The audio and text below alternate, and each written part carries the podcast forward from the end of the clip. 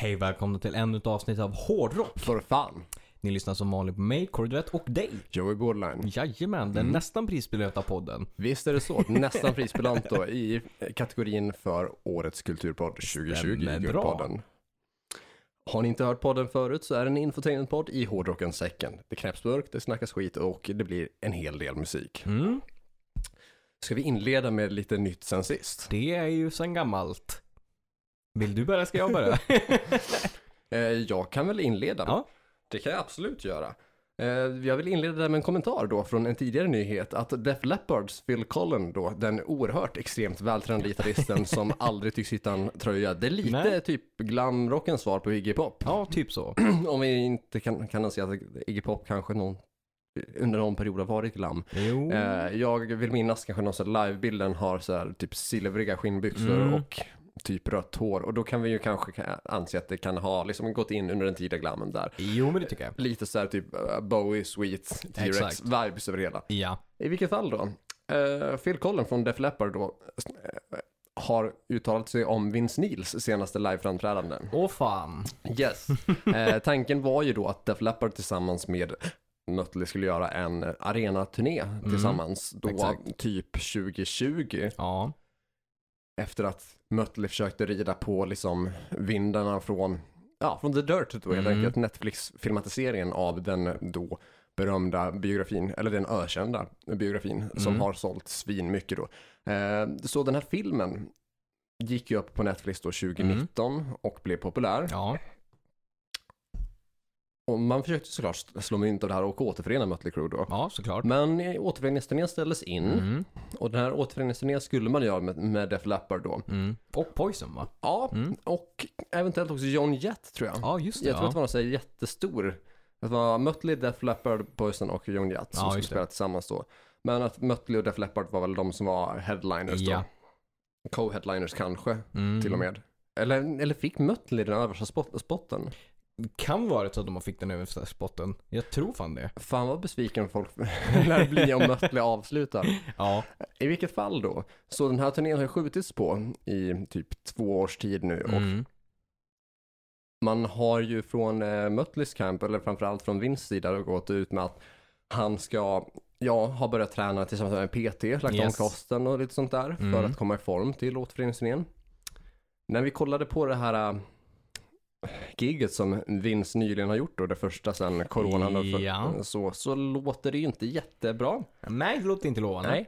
Men eh, Phil Collen har gått ut med de lugnande orden att det är ett år kvar tills turnén kommer äga rum. Mm. Så han kan nog få ordning på det där. Ja, okej. Mm. Stöttande? Nja. Eh, Alltså ja, det, från hans sida är det väl stöttande. Men, Mm. jag vet, Men vet eh, backar vi det? Nej. Jag tycker att han har ju haft på sig ett och ett halvt år så att jag menar. Det tyder väl på att. Hallå, Ingenting hände under den tiden. Nej. Vad ska det sista året göra? Det vet inte fan alltså. Jag har Mm. svårt att se det. Det känns ju lite som att det kanske är lite så här eh, diplomatiskt Mm. svar från Phil Collen där. Ja, jo, det låter ju verkligen som så. Jag menar, de vill väl såklart att det där ska sälja. Men vad fan. Moraliskt sett. Nej, ja. jag tror inte att jag hade. Jag hade ju själv varit om man Def Leppard eller Nicky Six eller någon annan så hade man väl haft en viss oro över hur fan ska det här gå. Jättestor oro, ja. Mm. Absolut. Så eh, det är osäker på trovärdigheten i det hela eller hur mycket Phil Collen tar i där för att vara, försöka vara snäll och Ja. positiv. Eller för att inte sänka biljettförsäljningen sådär. Men så. jag hade nog kanske droppat Mötley från listan där. Ja, tagit in något annat som faktiskt Mm. funkar liksom. Mm. Men å andra sidan hade jag varit Phil Collen hade jag kanske också typ droppat namnet Phil Collen Ja. till förmån då för den kanske snäppet kändare Phil Ja, Collins. exakt. det hade varit en idé. Ja, kan vi bara ta en sekund för att kommentera att om ens liksom så artistnamn eller till och med på födelsenamn ligger farligt nära ett namn på någon som redan är känd, kan man då inte liksom bara, alltså ett litet tips Lite tips. Lite tips. Är ju att då kanske byta namn eller by, byta artistnamn till något annat. Ja, alltså speciellt om man är så pass stor som man är typ. Ja, ja alltså, alltså Phil Collins är ju jättestor. Mm. Både som solartist och som del av Genesis och Ja, liksom allt sånt. Ja. Så kanske liksom så rimligt Mm. ändå att om ett sånt namn är etablerat, om man heter Phil Collin, Mm. eh, kanske dags att liksom Alltså, så här ja. tänka till. Borde man inte heta något annat för att Jo, inte liksom så här blandas ihop med det? Ja, alltså jo, det, det är nog en fördel. Samma sak liksom typ Ailstorm och Hailstorm. Ja, också väldigt snarlikt. Ja, jag menar, liksom, ja, kan man inte typ bara ta något annat? Exakt. Nej men det är annorlunda. Nej, det, det är typ samma. Det är typ samma. Ja. Näst på listan med nyheter. Svenska gruppen Sabaton har hamnat i lite grann av vad vi skulle kunna kalla för blåsväder. Jaha. Detta då, eh, alltså på, på gott och ont eh, och av blandade anledningar. Okej. Det är nämligen som så att Sabaton har släppt ny merch för The Red Baron då. Mhm. Den röde baronen. Och det här kommer vi lägga upp som bild på vår Patreon nu som gratis content. Så gå in på patreon.com hrffpodcast, kolla gratis content från och med antingen 9 juni eller 10 juni. Så ser ni bilden på den här merchen då. Och jag kommer visa upp den för dig. Mm. Merchen ser ut så här då. Mhm. Det är en knallröd bakgrund. Jajamän.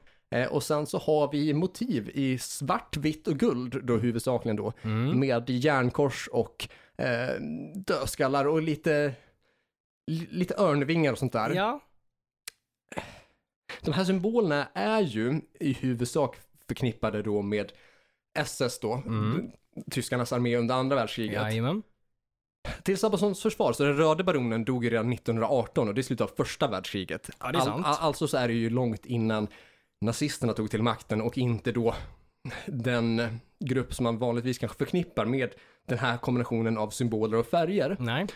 Men det går ju liksom onekligen inte att gå på stan utan Nej. att majoriteten kanske tror att det här är något väldigt liksom sen nazi-inspirerat Ja, tryck. exakt. Jo men det så är det ju absolut. Det känns som, det första man Mm. tänker som kanske inte Sabaton-fan är väl inte att åh det där är en Sabaton-tröja. Utan det känns väl mer liksom som ganska förknippat med att åh vad, vad, undrar vad han har för värderingar. Ja, och även om liksom Sabaton är ett icke-nazistiskt band, Absolut och väldigt historiskt. ja, så kan det ju dels redan finnas folk som tror att Sabaton skulle vara nazister, Ja, eh, eller som kanske får bilden av att de är det i och med den här merchen. precis. Så är det ju. Det är ju liksom inte kanske alla som har jättekoll på vem den röde baronen är. Nej. Och det kan ju spegla Mm. sitt varumärke ganska dåligt. Ja, kan, kan, Alltså, det kan finns vara. chans för det, ja. finns chans för det. Och det är flera då, då tyskar som har kommenterat att, alltså, fan. att ja, alltså det, det, det är en snygg tröja. Mm. Men alltså det funkar inte att bära det här. Nej. Det, är, alltså, det är risk för att förlora både jobb och livet. Ja, exakt. Och jag, jag, jag förstår ju problematiken. Ja, ja. För det, det, det är ju ganska så likt naziflaggan. Ja, det är absolut. Speciellt med rödfärgerna och Mm. Men som sagt, det är då alltså inte så att det är en pro-nazi-symbol. Nej, Utan det nej. här är alltså, vi pratar om typ så här, minst 20 år före andra världskriget som Jajamän. det här som, som, som de här händelserna liksom så förknippas, eller Ja. egentligen är kopplade till. Ja, ja, är det. Men gemene man tänker nog kanske mer andra Mm. världskriget. det. Det gör man garanterat. Så vill ni se bilden så in på patreon.com hrffpodcast. Det är liksom gratiskonto från 9 eller 10 juni då. Grymt. Ja, det kan jag tycka. Vi har en upptäckt. Åh fan. Och i den här upptäckten då så är det återigen tillbaka till Bosse Stagman, även Sinesand då. Ja. Känns som, även känns som Sinesand då. Mm. För detta sångare i Shotgun Messiah och Easy Action då. Det, right. Upptäckten är via hans kommentarsfält då. Mm, okej. Eh, Då han har laddat upp bilder från Shotgun Messiah-tiden där mot slutet av 89. Mm. Han lämnade ju bandet Ja. runt 1990 där. Och det var ett gäng spelningar som var tvungna att ställas in då. Mm. Och det var inte så att de ställdes in på grund av att han lämnade bandet, utan det var de här spelarna som ställdes in då har då fans eh, från USA och Kanada då, då meddelat att de hade eh, biljetter då för en, en show i Cleveland Mm. där de fick med- meddelat att det var inställt på grund av att trummisen hade en, varit med om en olyckshändelse eller liksom en skada så. Okej. Och det är korrekt återgivet, att det är liksom inte en eh, falsifierad historia så, utan att det är i alla fall något som faktiskt hände. Okej. Och man kollade på möjliga ersättare för vem som skulle kunna fylla in då för Mm. Styx. Och då hade man faktiskt Matt Sorum som första tilltänkta val. Åh helvete. Mm. Och det här är då liksom typ eh, alltså, kanske månader innan han går med i Guns N' Roses. Ja, exakt. Och för att då sen ta över för Steven Adler då. Mm. Så han var ju då bara medlem, bara medlem Ja. i The Cult då. Eh, Och man hade kontakt med honom, han var intresserad och ville göra resten av turnén, men hans arvode var för dyrt för Chuck Messiah. Okej, ja, rimligt. Men vi hade alltså kunnat sett ett Shotgun Messiah med Matt Sorum. Alltså det hade, det hade varit en jävligt bra match. Ja, och dessutom så hade det nog kanske varit ett lyft för Shotgun Messiah liksom Ja. rent PR-mässigt. Som hade kunnat sätta 100%. dem på kartan. Faktiskt. Om Matt Sorum hade gått därifrån till Exakt. Guns Roses. Ja, 100 procent. Mm. Det var synd att det inte blev av. Men också Verkligen. rimligt. Men ja, det visste Ja. jag inte. Nej, jag har aldrig läst det här förut, så det var ju svinkul att få ta del av den informationen. Verkligen. Sist på listan för mina nyheter är ju då Mm. klubben för inbördes beundran. Mhm. Du brukar ju ha din sektion av Save the News. Ja, Så jag kör på lite grann där med för podden. okej, ja. Och ville då meddela om det här Sweden Rock-inlägget från Swerock som Mm. har gått som satan. Det har gått som smör. Ja, oh ja. Fan vilken reach det har haft på sociala medier. jag kollade Extremt första bra. tre dygnen så har det liksom nått typ 13 000 personer. Det är helt sinnes. Ja, och totalt typ så här en 800 reacts eller något sånt där. Så det, Det- är störigt bra. Det är störigt bra. Så det är många nya som har hittat på vår sida också. Så Ja, eh, lyssnar ni här, nu, här och nu för första gången så Mm. tackar jag för att ni har hittat hit och Ja. är svinglada för att se nya siffror. Verkligen. Nya ansikten är det ju inte än kanske nej. Ja, det var ett jävla bra PR-trick det där. Ja, och då hade vi ju inte ens med den där öl, dubbelölhjälmen Nej, som vi stod och sneglade på. Exakt. Så, så här är facit hand. Fan om inte den hade gjort bilden typ 10% Ja, roligare. Faktiskt, det hade kunnat gått. Ja, men det här blev ju bra det med. Det blev riktigt bra. Ja, det var kul att se. Det, Mm. det gick bra idé av fram, framförallt dig där Ja, tackar, pitcha den. Och, eh, Men jag- du satt bra i tältet. Ja, tack, det gjorde jag. Vad tur att vi tog den här sista bilden. Men Ska vi inte ta en med mig i tältet? Ja, vi kör. Ja, och den gick ju Den hem. gick hem. Fan vad den gick hem alltså. Corey i tältet. Jajamän, då ska vi rulla in där. Eh, vi kan börja i en, eh, en fin nyhet. Ja, väl mestadels fina nyheter den här gången. Eh, och rubriken lyder som så att Iron Maidens Bruce Dickinson har hjälpt till eh, med Heavy Metal Trian- eh, Trance tror jag uttaget. Det är cykel- cyklistgäng i, i, i England. Mm, får jag ta en sekund och bara tycka att fan om inte Bruce Dickinson borde ha bytt namn också. ja, nej, jag tycker det är nice. Alltså det är, ju, det är ju bara tur för honom att hans förnamn inte var Constantly Ramin Man. Ja, exakt. ja, det är fan sant alltså. Eh, men det de har gjort här då med Bruce Dixon är att de har eh, för eh, Children's Charities har de dragit in med det här cyklistgänget. Någon Eh, välgörenhet för barn alltså. ja, exakt. Eh, över en miljon pund. Åh fan, det var inte dåligt. Det är inte dåligt alls. Bruce Dickinson cyklar och drar in cash. Det är ju jävligt fint för Ja. han flyger flygplan, han fäktas och han cyklar för barn. Fan vad han gör alltså. han, har, han har grejer på gång som han faktiskt genomför. oh ja, han, alltså han är ju definitionen av att ha grejer på gång och genomföra dem. Ja, exakt. Så det var jävligt fint. Eh, från eh, Bruce Dickinson och Iron Maiden där så har vi nåtts av att In the End, eh, Mhm. In the End med Linkin Park har nått en biljon streams på Spotify, vilket är väl... Alltså en, en, en one billion, Ja. då är det en miljard. Exakt, en Ja. miljard streams på Spotify. Eh, Det är svinmycket. det är svin mycket. Det är liksom riktigt, riktigt bra. Eh, kul för, för Linkin Park där och eh, för den nu metal-kopplingen som vi tidigare pratade om att liksom att eh, jag läste någonting också som jag inte kommer exakt vad det var, men det var någonting om att om, om det var musikvideon eller om det var plattan som blev den mest av nu metal som hade kommit upp i just, just de Mest siffrorna. eh, antal streams Ja, och sales då. Precis. Ja, fan fett. Men det är väl rimligt. Ja, riktigt fint. Eh, jag som har dålig koll, är Mm. det, alltså in the end, Mm, det, det, vi pratar om singeln då. precis. Ja, eh, är det Hybrid Theory som är plattan? Ja. Eller, ja, mm, ja men då så. Mm. Så det är fullt rimligt.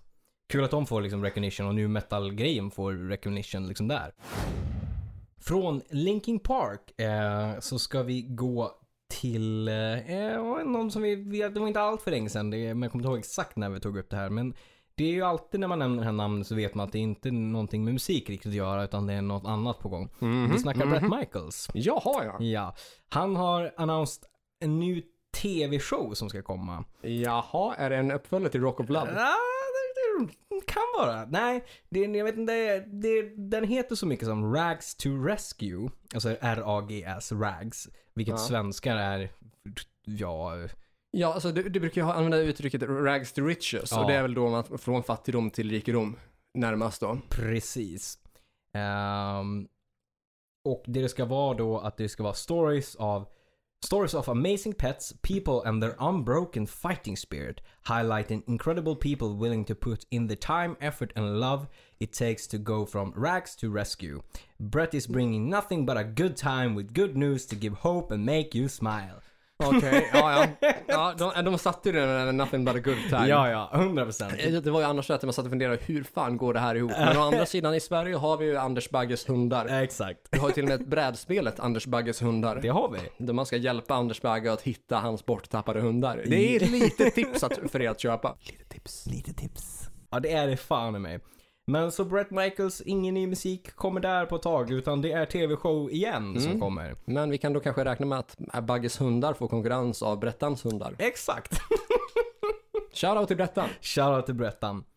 Fan till Bagge också, han verkar mysig. Ja, han är fan en riktig jävla björn där. Från Brett Michaels till faktiskt, eller ny och ny musik, men det kommer från Queen-campet kommer eh, Greatest Hits. Eh, de, den fyller 40 år, den första Greatest Hits som köpte, eller de släppte. Mm. Eh, och det är deras första samlingsskiva då. Eh, och det firas genom att släppa i limiterade specialutgåvor av albumet. Begränsad upplaga av Greatest Hits. Ja, lite så. Fan, det går emot sig självt på så många sätt. Vi vill nå många, men inte för många. Och det är lite grann så de tänker här också. Det kommer CD och det kommer kassett. Okej. Det här blir man ju bara arg på. Det kommer alltså inte liksom... På vinyl? Nej, det kommer CD och det kommer eh, fyra stycken kassetter i olika färger med eh, för det här Greatest Hits-albumet så är ju alla fyra liksom ansikten på. Så då släpper de in för varje, alla fyra all, liksom ansikten. All right. Men inte vinyl, utan Nej. kassett och CD, det man absolut spelar som mest idag. Mm. Det här var ju helt åt helvete. Ja, lite så. Eh, kul med kassettgrejen, men vad fan. Det, här hade väl hellre vi haft på vinyl. Ja, jag förstår inte. Hur, hur kom man på att gå till kassett men inte vinyl? Nej, jag menar fine om man gör kassett, men man kan väl göra vinyl också då? Ja, annars kan man skippa CDn och bara köra kassetterna. Ja, Det, det är ju en roligare idé. Det tycker jag absolut. Nästa nyhet. Vi har ju pratat lite grann tidigare om två camps och grejer och nu finns det ytterligare ett jävla camp och det är Alcatraz. Mm. Det är fler camp än fanns på Mm. Sweden Rock. det är det fan i mig. Alcatraz eh, återförenades ju med Graham Bonnet som sjöng då i Alcatraz. Han som Mm. också sjöng med på Rainbow och sådär. Inte att liksom f- förknippas med eller beblanda med all, svenska Alcazar. Nej, och inte med fängelset i Alcatraz heller. Nej. Även om det är därifrån det har fått sitt Eh, namn. Exakt. Mm. Eh, och de gick ju skilda vägar där då, som att jag vet inte, vad- de, har väl inte riktigt sagt vad det var. Men det finns då två stycken av Alcatraz och jag tror att ena sånga, sångaren som är med i Alcatraz där Graham Bonnet inte är med är Doggy White tror jag han heter. Han som sjöng med Yngve där ett tag. Okej. Slutet på, på någonstans vid 90 typ. Ehm, var han med i Yngves version av Alcatraz? Nej det var Nej, inte. okej. De var inte med i Alcatraz samtidigt. Nej. För Yngve tror jag var med i Alcatraz 83 till 84. Precis. Jag kan ha fel, men jag tror Mm. att det är 83 Ja, till då, var- 84. då, Graham Bonnet var ju med. Men till mitt försvar, jag brukar inte ha fel. Nej, exakt. Ja, men precis, Graham Bonnet var ju med med Yngve där. Eh, men eh, den här versionen som finns då, utan Graham Bonnet som var liksom originalsångare där är ju då med Doggy White som har sjungit med Yngve. Och då har ju då också Graham Bonnet kört sin egen version av Alcatraz och har nu värvat eh, den nuvarande eh, och tidigare Nevermore-gitarristen Jeff Loomis som också är med då i Arch Enemy. Jaha, okej. Så det är ändå inte en fy skam på gitarristmässigt Nej. om man tänker det är en jävligt tung och väldigt, väldigt melodiös eh, gitarrist som passar lite oväntat för Alcatraz och Graham Bonnet om man säger så. Ja, jag, alltså, det första jag tänkte när jag hörde namnet Loomis var på Halloween-filmerna. Ja, exakt. För, Dok- ja, exakt. Dr. Loomis. Exakt. Vad heter han i förnamn? Kan han också heta Jeff Loomis? Han kan också heta Jeff Loomis. Jag Eller- borde veta ja, det här. Ja, eller tänker jag att det flyter på bra med tanke på, eh, eh, med, med tanke på Jeff Lowe ifrån Tiger King? Är det Ja. därför som jag tänker att han också heter Jeff Loomis? Alltså det skulle kunna vara. Nu måste vi be Jag ska kunna det här. Det här Nej, han heter, han heter Dr. Sam, Sam J. Loomis. Så Sam Sam. J, du, ja, J. Loomis. Ja, skulle kunna vara Jeff. Skulle mycket väl skulle kunna vara. kunna vara. Ni hörde det här först. ja, men det, ska, det säger att det är så. Det är ja, rimligt. det, ja, och om det inte är så, det är fan close enough om man ändå heter J. Loomis. Exakt. jag tänker ge mig ett halvt rätt på den där. Ja, men fan. Vidare. Vi har ju eh, ett uppkommande liksom eh, collaboration som vi inte har genomfört än och vi är ett stort fan av eh, det här eh, brandet. Vi snackar brands for fans. Ja, visst. Vi är fans av Brands och fans. Det är vi absolut. Vi snackade ju tidigare, kommer du ihåg att de släppte ju den här Kiss-grejen? Var det rom? Ja, Black Diamond. Mm. Nu kommer ju faktiskt Cold Gin. Ja, men det var väl på Det tiden. var fan i mig på tiden. De, ni hörde det här först. ni hörde det? Det gjorde ni fan i mig innan de annonserade det här. Vi sa det långt fucking Ja, tidigare. jag kan ju fan på att de hörde det av oss. 100 procent. Vi ska ha procent på det. Jag, ja, absolut, jag kommer credda oss för det här. Vi skickar fakturan. Ge oss Yngves advokater. Men vidare på nyheter där. Eh, kort, eller kort släpp, kort nyhet om att det finns en ny musikvideo för ACDCs låt Witch Spell från deras senaste platta. Mm. Så ny musikvideo från eh, ACDC. Clown då, från Slipknot, vi hoppar hejvilt här, har eh, sagt att det de kommer släppa ett nytt album 2021 och de går också skilda vägar med skivbolaget Roadrun- Roadrunner Records. Okej, det är alltså en ny nyhet. Det är inte så att Clown har slaktat ACDC går skilda vägar. nej, exakt. Det är, det är en ny nyhet, vi hoppar Ja. hejvilt. Ja, Så för er ni- som lyssnar på det här så hör ni säkert att Exakt. och eh, ja men fan, ny musik från Slipknot i år. Eh, också imponer- eller imponerande. Kul att, eller kul, häng- vet jag inte heller, men jag Jo men kul är det väl? Ja, jo det är det ju. Men att de skilda vägar med Roadrunner Records, men det tror jag nog är rätt Men vad- smart av dem. ja. För jag tror inte Slipknot idag, är de typ som Metallica så behöver de verkligen ett bolag.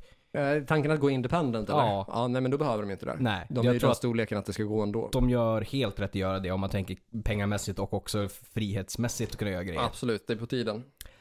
Frågan är väl om det kanske blir tjafs med Roadrunner Ja. och lite så här typ att man kanske prioriterar enbart låtar från den nya karriären Mm. då, på det nya bolaget för att se till att man själv tjänar så mycket pengar som möjligt. Ja, det får vi hoppas att det Sånt inte där brukar blir. ju sällan bli liksom fläckfritt. Nej, och så finns det kanske risken att Roadrunner tar bort plattor från Spotify eller dylikt. precis. Även om det dyker upp så kan det ju vara där ett tag att de försvinner och sådär. Mm. Så Lex det- Ramones som har liksom haft det problemet med flera av bolagen som Ja. där liksom så här tillkommer och försvinner plattor hela tiden. Ja, men Framförallt mot slutet, eller från typ så här 83 till typ 87, vilket jag tycker är bland deras bästa period. Jag tycker att de var som bäst från 83 till 92, men Mm. det är ju hot take. Min sista nyhet. Uh, nya släpp till Save the News, Save the Noise. Vi har släppt uh, Liv Sin, tidigare sångerska i Sister Sin. Eh, och vi har också dessutom släppt Rudy Sarso, är basist som har spelat med Dio, Whitesnake och Osbourne Quiet Riot. Inget dåligt CV. Han var dessutom med och spelade på We're Stars, som eh, den här välgörenhetskopplingen som vi har med Save the Noise. Mhm, mhm. Och sist och inte minst, vi har släppt Blaze Bailey, forna sångare i Iron Maiden och Wolfsbane. Asfett. Det är riktigt bra lineup där. Det är, och det här är de som ska vara med på den eh, tredje låten som kommer då som är skriven av Filippa Näshild som, från Thundermother då. Mhm, Eh, mhm. Så det ska bli, det, ja det, det bara tuffa på. Det är feta jävla släpp. Absolut. Och då är det inte viktkommentarer. Nej! Blaze Bailey är i jättebra form. Men Blaze Bailey, alltså jag tycker fan, Blaze Bailey är underskattad som sångare och jag tycker att X-Factor är bland Maidens bästa släpp. Jag tycker att fan, den plattan har riktigt många underskattade Mm. låtar, riktigt många underskattade riff och framförallt så tyckte jag faktiskt att där så jag, hör han verkligen hemma. Ja, ja, Det absolut. blir mörkt och det blir episkt på Eh, exakt. flera spår. Så är det ju. Alltså, jag tror han kommer passa väldigt bra sångmässigt i- liksom, i den här typen av låt som kommer. Så att Ja. det ska bli kul att se.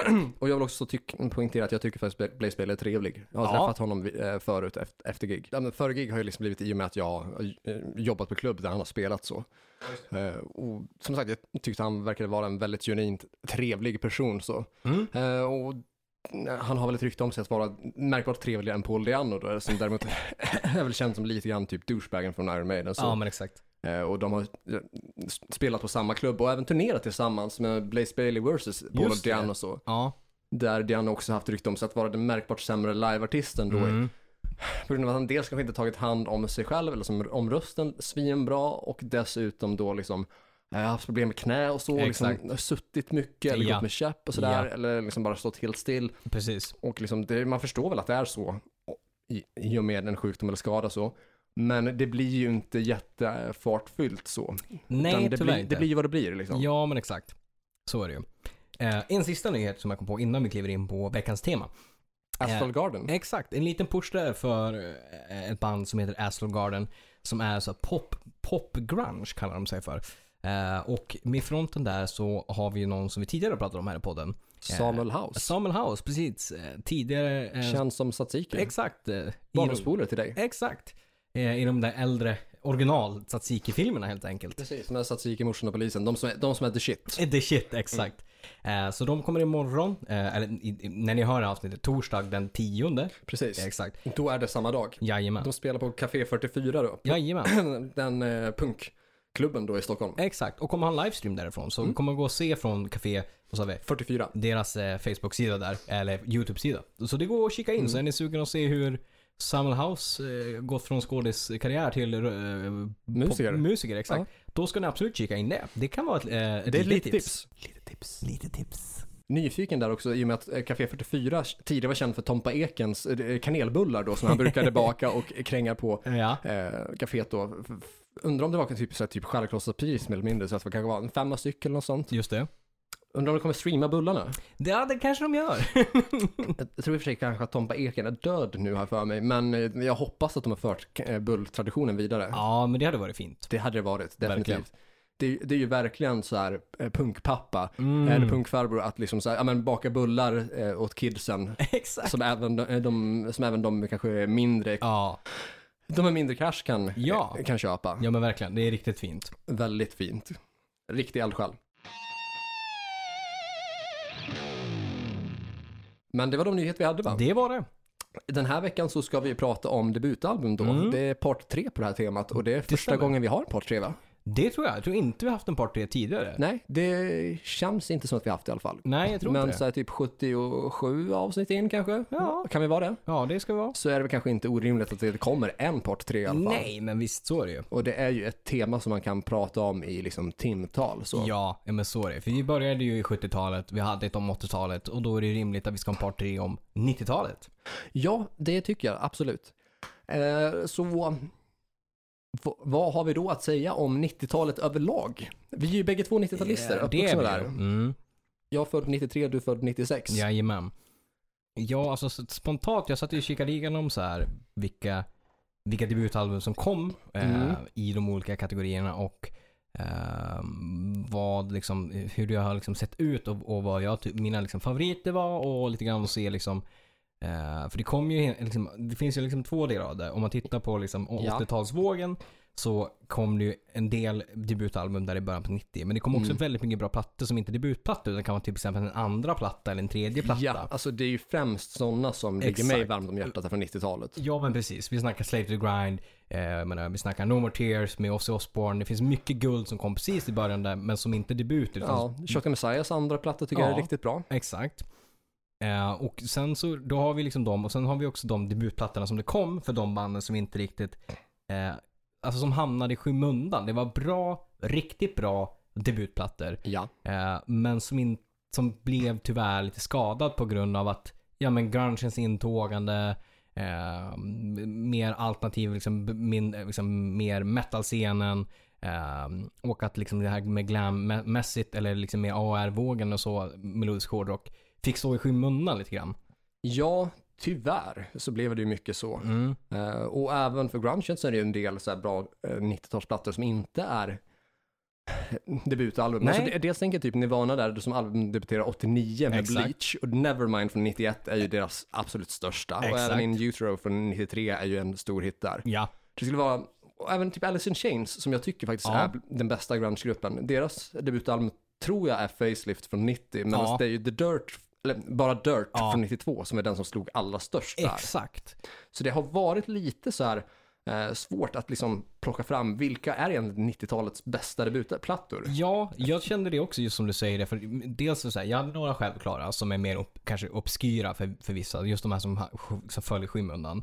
Och sen så när man tittar på vissa band som kanske är mer favoriter, då är det typ så här, ja men det kanske inte är första plattan som är den bästa jag tycker, utan kanske var andra eller tredje plattan till och med som är liksom den, och när den var faktiskt slog ordentligt med. Ja, och ett till sånt exempel för min del är ju Rancid som är Mm. Ja. en av de 90-talsgrupper som ligger med allra varm, om hjärtat där. Ja, Eh, där- de började som en trio 93. just det. Men uppföljande eh, plattan från 94 och från 95 där. Ja, Eh, 95 så släppte man ju And Out Come the Fool, Wolves och 94, eh, nu står det helt still vad plattan heter, men, men bägge de två tycker jag ju är bättre när man, ja, med, i och med andra plattan blev en kvartett då. just det. Och liksom så här tillförde en till sångare, en bättre sångare, en andra gitarrist också. Just det. Så jag tyckte att de pikade med andra och tredje plattan istället. Ja, men exakt.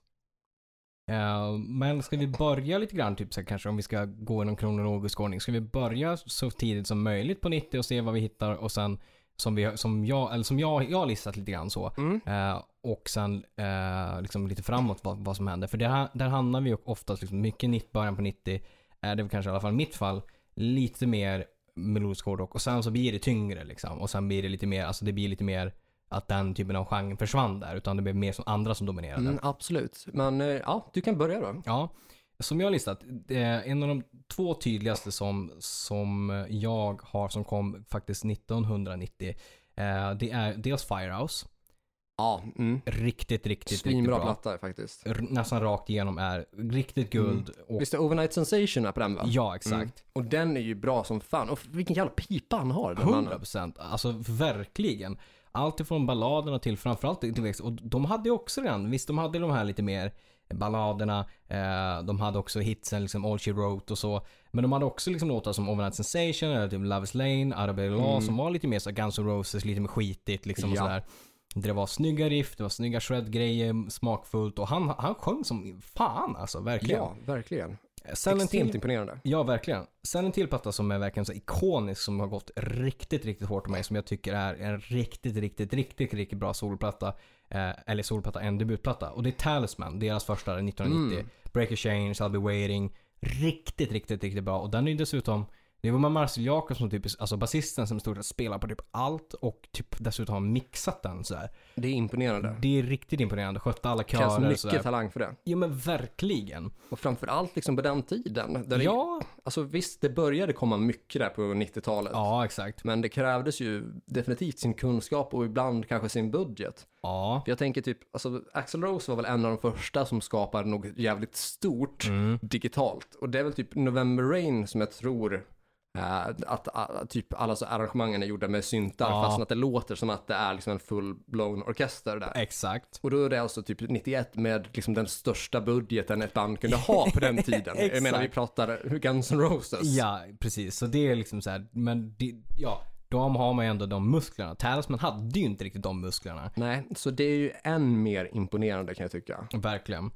Eh, och sen så har vi några liksom som är ändå lite mer tyngre, som, eller tyngre, men några som är större namn. Dels Hardline släppte sin debut 92. Mhm. Riktigt, riktigt brutalt bra, bra platta. Eh, och Gotthard släppte sin första platta också 92. Åh, för det är så pass att de, de debuterar 92, vilket... Faktiskt. Och det är någonting som, som, som jag, alltså jag, visst, jag vet ju det idag. Mm. Men när jag kom in på Gotthard så var det ju mycket lip service, alltså lift, lift you up och så. Och Ja. den är ju typ 2000, om den är 2005 eller 2008, den tror jag Något sånt ja. någonstans ja. där. Och Jag tänker var, inte på dem som 90-talsband. inte jag heller. Det var långt senare som jag upptäckte att fan debuten kom 92 och då var det skitiga, alltså visst, det låter fortfarande Gotthard och det var lite bluesigt och sådär. Ehm, dels på första plattan hade de ju covern på Hush av Deep Purple. Ja. Eh, och, Som inte ens är en, är en original från Nej. Deep Purple, utan Deep Purple gjorde en cover på den typ Exakt. ett halvår efter originalet. precis. Så jävla douchigt. Exakt, och Bara, ja, snor fast- spotlighten. Ja, ja, bara, den här låten gillar vi. Vi har lite större label, nu släpper vi den som Exakt. singel. Jaha, tack för den. Eh, men och som du säger, jag tänker inte heller på Gotthard som ett 90-talsband. Utan de, men de var ju liksom riktigt bra hårdrock slash blues. Sen blev de lite mer semakustiskt hittade tillbaka till rootsen med typ lip service och, och sådär. Eh, men det, jag, frågar man en genom man så tror jag inte de tänker på Gotthard som ett 90-talsband. Men det är de faktiskt. Ja, Ja. jag tänker ju inte på dem som den. Nej, Och även om jag liksom mest har lyssnat på moderna Gotthard så tänker jag typ ändå att de har varit med kanske sedan 80-talet eller något sånt där. ja okej, ja. För att det, det känns ju lite som det soundet ändå fast de har mo- moderniserat det på något sätt. Ja, men jo, men Lite grann så att de skulle kunna ha varit med som typ Europe eller Bon Jovi eller liknande. 100%. Men sen liksom gjort en bra modern touch på sitt eget sound. Ja, men alltså lätt. Eh, sen så har vi lite mer liksom så här obskyra grejer som typ så här Tuketto. Eh, sjukt bra AR-band som egentligen aldrig riktigt slog men som så här Mm. fortfarande är aktiv. Eh, grym platta rakt igenom för folk som gillar melodisk hårdrock. Eh, kom lite sent där liksom på grund av 91. Eh, Great King Rat, också svenskar som med eh, trummisen från Easy Action eh, var med och startade Great King Rat. Mm, Eh, inte att förknippa med Rat eller Bobby Blotters Nej, Brat. exakt. Den kom ju 92. Eh, och nu kommer jag inte ihåg, vi har pratat om den tidigare också, med Shadow King med, med Vinnie, eller med K- Campbell, eh, det är Flappard-gitarristen. Ja, Vivian Campbell. Exakt. Kom också där omkring 90, om det var 91, 92. Så mycket sådana plattor som verkligen så här riktigt guldplattor som tyvärr kom lite för sent för sitt eget bästa där. Mm, som hade kunnat ha större genomslagskraft om det bara liksom träffat eh, mer Mm. rätt tidsmässigt. Exakt. Och sen då, då, då börjar vi liksom rulla in på ehm, någonting, när jag liksom skulle gå ifrån det här campet och försökte verkligen Mm. hitta något tydligt, riktigt, riktigt bra debutplatta. Mm. För jag valde bort till exempel Korn och så tyckte jag inte, om man jämför med om det är plattan efteråt eller tredje plattan efteråt, där den verkligen riktigt, riktigt slog. Eh, den Ja, var- du tycker inte att Korns debut är deras bästa? Nej, verkligen Okej, inte. Ja, för jag tror fan att jag tycker att deras debut är deras bästa. För först, deras första är ju den från 94. Ja, den, precis. Mm. Och jag tycker nog Fall of the Leader 98 är den all right. starkaste. Ja, mm. Alltså ja, visst jag, jag, jag, jag gillar den med, men Mm. jag tycker att deras debut är starkast Okej, faktiskt. ja. Ehm, men då, då när jag skulle hitta liksom i den alternativa, inte alternativa, men den som brytte av. Ja. Det är ju då 1992 med Rage Against the Machine. ja, den är med på min lista också. Ja, brutalt stark. Och alltså det är ju, det är ju svinstarkt släpp liksom. Oh, ja. Det är ju, eh, vad jag tycker, är 90-talets överlägset bästa album. Ja, Och jag tycker att det är deras bästa album också. men Och inte ens att man liksom så får skarva eller liksom typ Nej. kisa lite grann med ögonen. Utan man, man kollar på den och ser att fan det här är alltså the bomb. Verkligen. För The bomb tracks. Ja, exakt. För jag kikade liksom och mycket liksom så här, visst man kan hitta bra debutplatta men det är också Mm. så här, det är kanske, jag tycker det var lite svårt på 90-talet ändå att hitta den här rakt igenom bra wow-plattan. Utan Mm. det är så här, "Ja, de här låtarna är bra, större delen av plattan är bra, det är en bra debutplatta. Men Rage Against the Machine är ju verkligen brutalt, rakt igenom. Alltså, det är klockren. wow. Det är verkligen wow. Mm. Och jag tänker att alltså, de sex första spåren Mm. är 10 av 10 liksom. 100 procent. Vi har bomb tracks som öppningen. Ja. Vi har killing in the name. Vi Mm. har take the power back. Har sell for nothing, bullet in the head och know your enemy. Så jävla bra. Alltså, den kan, alltså de kan spelas rakt av Ja, ja. Som, som, som hits. Exakt. Typ. Och liksom, fan, vi, alla de spåren kan vara singlar. Och då har vi inte ens pratat om demon Nej. Autologic Nej, som man strök. Exakt. Som finns med på bonusutgåvan där. Som också är så brutalt bra. Ja, som också är 10 av 10. Verkligen. Vissa liksom så mer Beast Boys-klingande, Ja, men jo. också jävligt bra. Ja men verkligen. Så jag hade med den på min lista också över Mm. bästa debutalbum från 90-talet. Och det var liksom den första självklara. Ja. Den andra som liksom så came to mind Mm. var ju en platta som egentligen inte är en debutalbum, Mm. ett debutalbum. Mm. Vet du vilket jag tänker, Tänker på? du Rob Zombie? Nej. Ja okej. Eh, men det, där funderade jag också i och med att Rob Zombie gick från White Zombie Ja till Rob precis, Zombie. det var det jag stod och funderade på. Ja, Men nej. tänker du Pantera då? Ja, ja obviously. exakt. För Och den det- är också med och med frågan, är det debut? Får man kalla det debut? För det, de anser ju det typ vara det. Ja. I och med att de låtsas ju om att de där fyra plattorna från 80-talet inte finns. Nej men precis, i deras tycke och i bolagets push och alltihop så är det ju deras debut. Ja. Även om man vet Och att vi det pratar är... så Cowboys from Hell från Exakt. 1990. Eh, så, så att um, tittar man ur ett sånt perspektiv så ja, då är det ju en debut. Även om vi vet att det finns ju fyra plattor innan. Men under namnet Pantera och den sista har ju exakt samma lineup. Exakt. Även om liksom musiken är annorlunda mot Mm. Cowboys from Hell. Men, men det är ju fler band som har gjort det också, att bytt lite grann i riktning och sådana Mm. saker. Ja.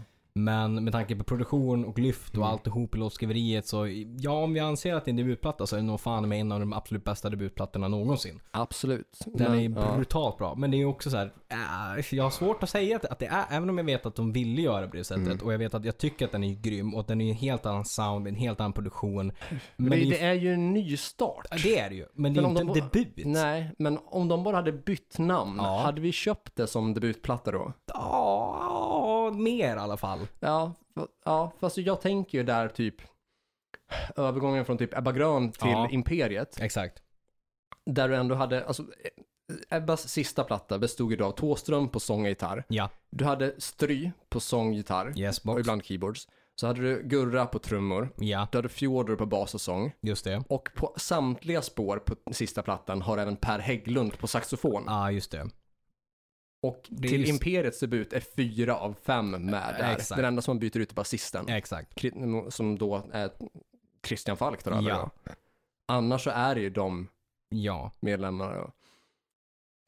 Och första Imperiet låter ganska likt sista Ebba. Mm, jo. Det gör det ju. Så det känns ju som en ganska naturlig utveckling så. Jo, ja absolut. Men det är så här, ja jag vet inte, alltså det, jag står alltid och frågar mig liksom, är det, ska jag kalla det en debut? Eller ska jag inte göra det? Ja, Å andra sidan så anser jag ju inte heller att Imperiet är samma band som Ebba. Nej, Nej. vi gör ju inte det. Nej. Är, det- är det bara namnbytet? Det kan vara är, det. är det så enkelt? Ja. Och är det så enkelt, kan det få vara en debut då? ja, för Pantera bytte ju åtminstone logotyp. Ja, det gjorde de Och de absolut. bytte sound. Ja, de bytte stil. Ja. Ja.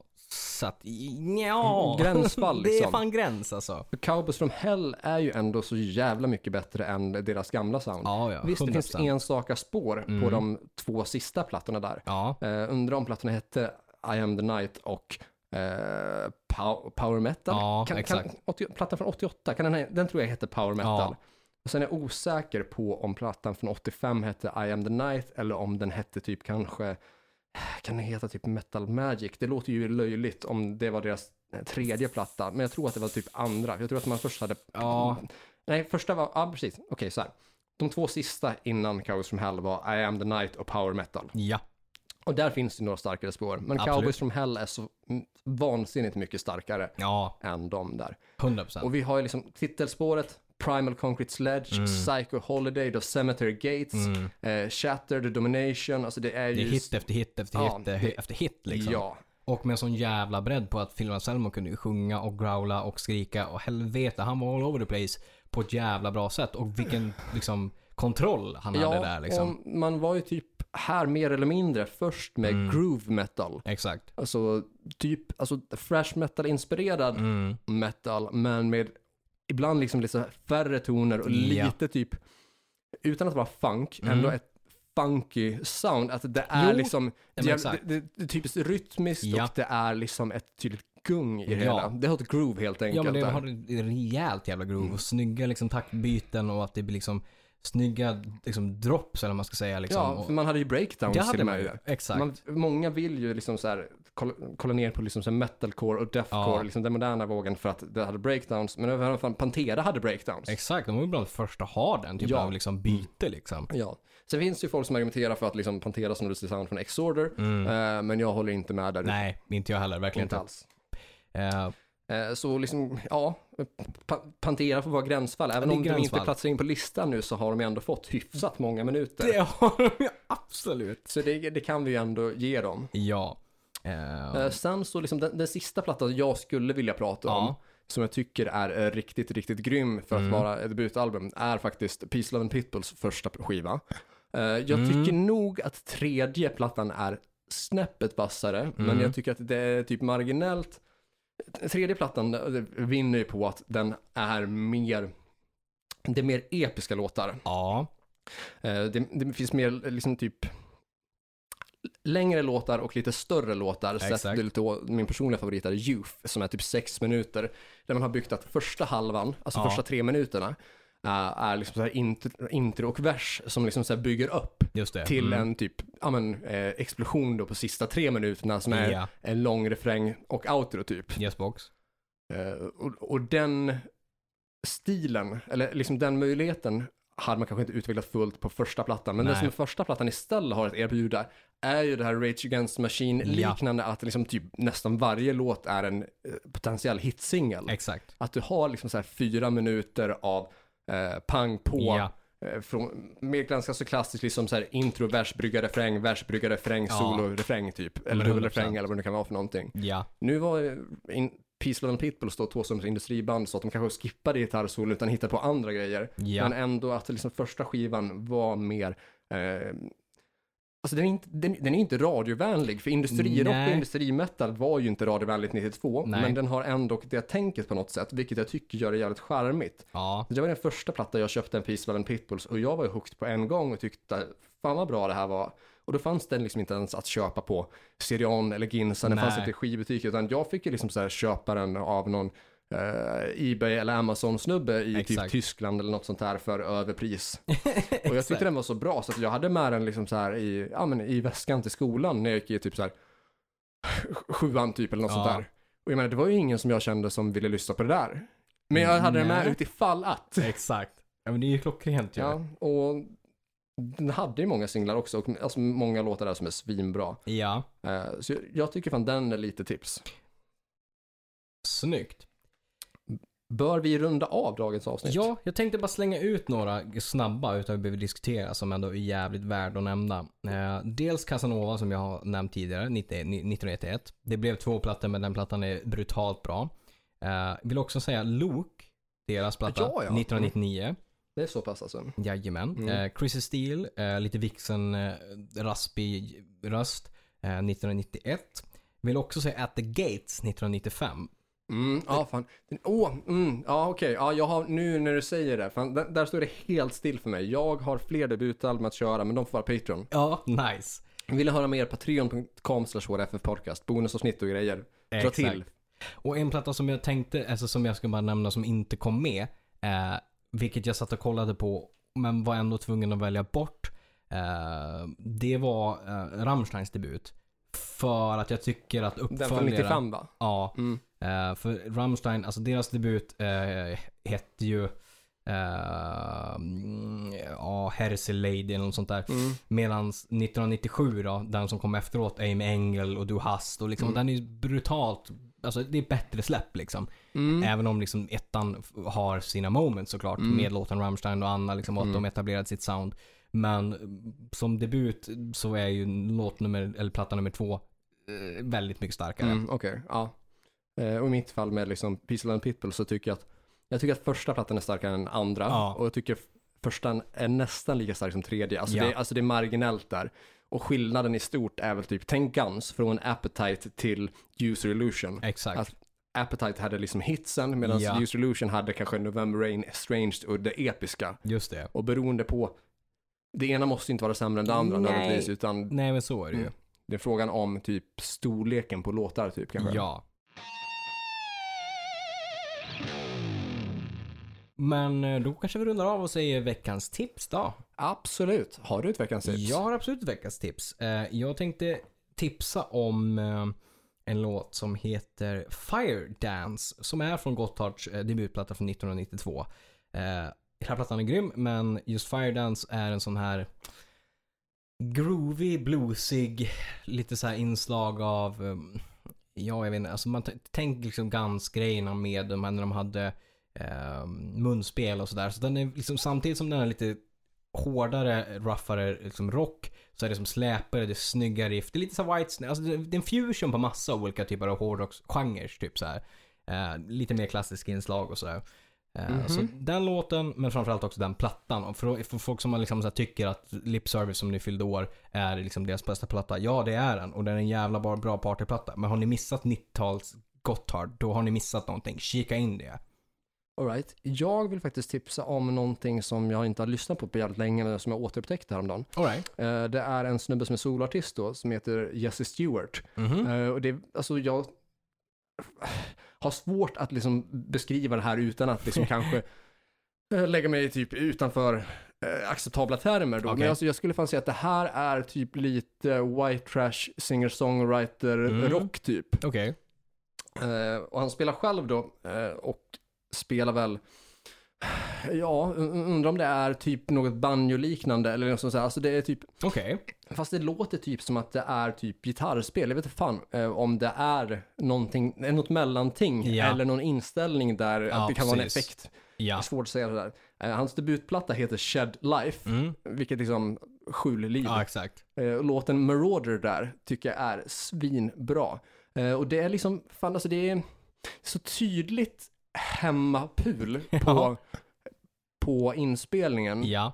Att det hörs verkligen att han har lagt sången och musiken i samma tagning. Okej, ja. Eh, för att man hör att det är lite så här, eh, vissa så mindre missar Ja. i liksom typ eh, i den instrumentala biten och att det kan vara någon så här typ taktgrej eller någon Mm. så här rytmgrej som typ blir eh, plötsligt lite off eller liksom så här Just att man det. hör att det fattas typ ett slag eller två där. Mm.